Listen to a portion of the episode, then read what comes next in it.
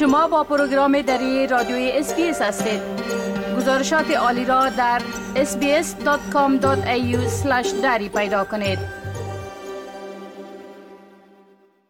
شنونده عزیز اکنون همکار ما سام انوری باری موضوعات مهمی که ای هفته در وبسایت ما نشر شده معلومات میتن. در صفحه اینترنتی اس به زبان دری با آدرس sbs.com.au دری هر روز مطالب جالب و دانستنی. درباره تازه ترین رویدادها و تحولات در بخش های گوناگون نشر میشم. آقای انوری سلام عرض می کنم خب اولتر از همه طبق معمول اگر درباره همه مسائل مهمی که در این هفته در وبسایت ما نشر شده روشنی بیندازین با سلام به شما و شنوندگان عزیز. خوب این هفته مصادف با اولین سالگرد جنگ روسیه و اوکراین بود. ولادیمیر پوتین رئیس جمهور روسیه در سپیددم روز پنجشنبه 24 فوریه 2022 به نیروهای خود دستور حمله به اوکراین را داد و این جنگ در 365 روزی که پشت سر گذاشته تلفات و ویرانی های زیادی به بار آورده. و اصلا اقراق نیست که اگر بگوییم که اکثر ساکنان کره زمین اثرات جنگ را به طور مستقیم یا غیر مستقیم در یک سال گذشته حس کردند ما در روز جمعه که مصادف با اولین سالگرد آغاز جنگ بود در گزارش به کمک های تازه نظامی استرالیا به اوکراین و گسترش تحریم ها علیه روسیه پرداختیم. همچنین دو هفته بعد از زلزله ویرانگر ترکیه و سوریه که آمار تلفاتش تا اکنون به از 46 هزار نفر هم فراتر رفته گزارش در مورد کمک های بشردوستانه کشورهای منطقه و همسایه های این دو کشور داشتیم. از جمله قطر که اعلام کرد ده هزار واحد سیار مسکونی را که برای جا دادن به تماشاچیان جام جهانی فوتبال ساخته بود برای زلزله زده های این دو کشور اهدا می‌کنه در داخل کشور موضوع نسبتا جنجالی اقدامات تازه حکومت کارگر درباره سیستم پسنداز تقاعد استرالیا بود. حکومت این هفته اعلام کرد که با راه اندازی یک فرایند مشورتی به نزاعهای سیاسی بر سر نحوه دسترسی مردم به حسابهای سوپرانیمیشنشان برای همیشه پایان میته همچنین در یک گزارش مفصل دیگر توضیح دادیم که چگونه می توانیم از حساب سوپرانیمیشن خود محافظت کنیم. چطور پسنداز گمشده خود را پیدا کنیم و در صورت نقل مکان به خارج از کشور یا وفات یک شخص بر سر پسنداز تقاعد آنها چی می آید در سه هفته گذشته مسائل مربوط به مهاجرت هم نسبتا داغ بوده و این هفته هم وزیر داخله استرالیا در یک سخنرانی در نشست نیروی کار روزنامه Financial Review استرالیا گفت که سیستم خراب مهاجرت کشور باید به طور اساسی بازنگری و اصلاح شود. خبر دیگر دیدار و گفتگوی مقامات دولتی استرالیا و چین بود که امیدواری ها به لغو تحریم های تجارتی توسط چین در هفته های آینده را بیشتر کرده. علاوه بر اینها اخبار و گزارش های متعدد دیگری از جمله درباره پولی شدن تیک آبی فیسبوک و اینستاگرام و افزایش قیمت پاسپورت استرالیا داشتیم که شنوندگان عزیز ما می توانند آنها را در وبسایت ما دنبال کنند.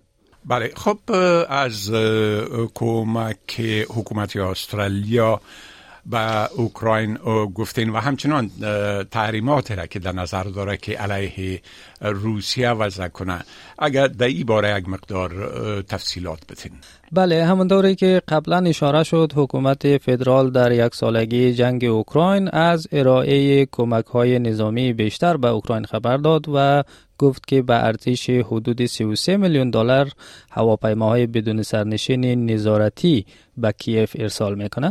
ریچارد مالز وزیر دفاع استرالیا با ستایش از شجاعت و اراده مردم اوکراین در برابر تجاوز روسیه گفت که این هواپیماها قابلیت اوکراین را برای جمع آوری اطلاعات و نظارت و همچنین شناسایی مواضع دشمن در میدان نبرد افزایش خواهد داد. علاوه بر این پنی وانگ وزیر خارجه استرالیا از گسترش دامنه تحریم ها علیه افراد و نهادهای وابسته به دولت روسیه خبر داده. خانم وانگ اعلام کرد که استرالیا 90 نفر و 40 نهاد دیگر روسی را به فهرست تحریم های خود اضافه می‌کنه که به ترتیب تعداد اشخاص و نهادهای تحت تحریم استرالیا را به بیش از یک هزار نفر میرسانه و این همچنین بزرگترین رژیم تحریمی در تاریخ استرالیا است. از طرف دیگر اپوزیسیون فدرال از حکومت خواسته که مسیر سخاوتمندانه اعطای ویزا به شهروندان اوکراینی را باز نگه داره و در ضمن به جمع 67 کشوری بپیونده که سفارتخانه های خود را در کیف بازگشایی کردند. بله خب گفتین که وزیر امور داخل استرالیا درباره اصلاح سیستم مهاجرت صحبت کرده. میشه که درباره جزیات ای صحبت بگوین که هدفشان چی است چی نوع اصلاحات را در نظر دارن؟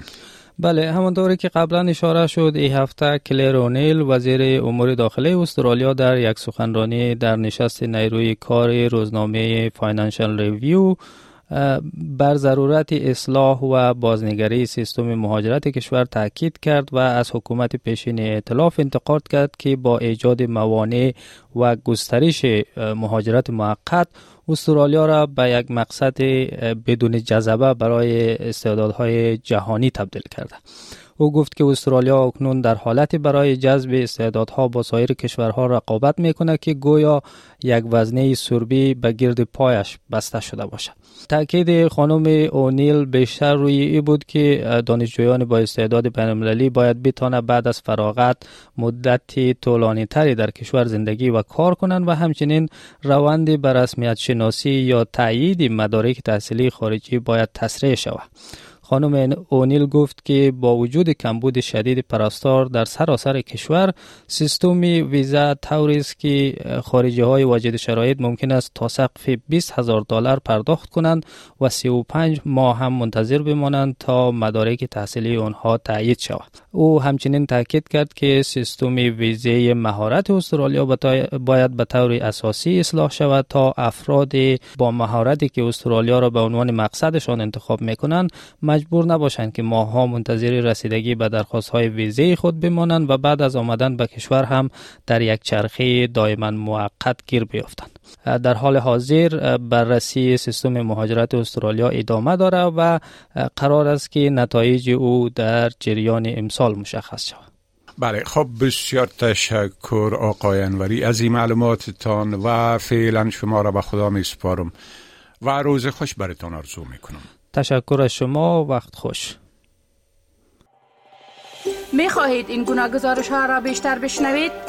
به این گزارشات از طریق Apple Podcast، Google Podcast، Spotify و یا هر جایی که پادکاستتان را می گیرید گوش دهید.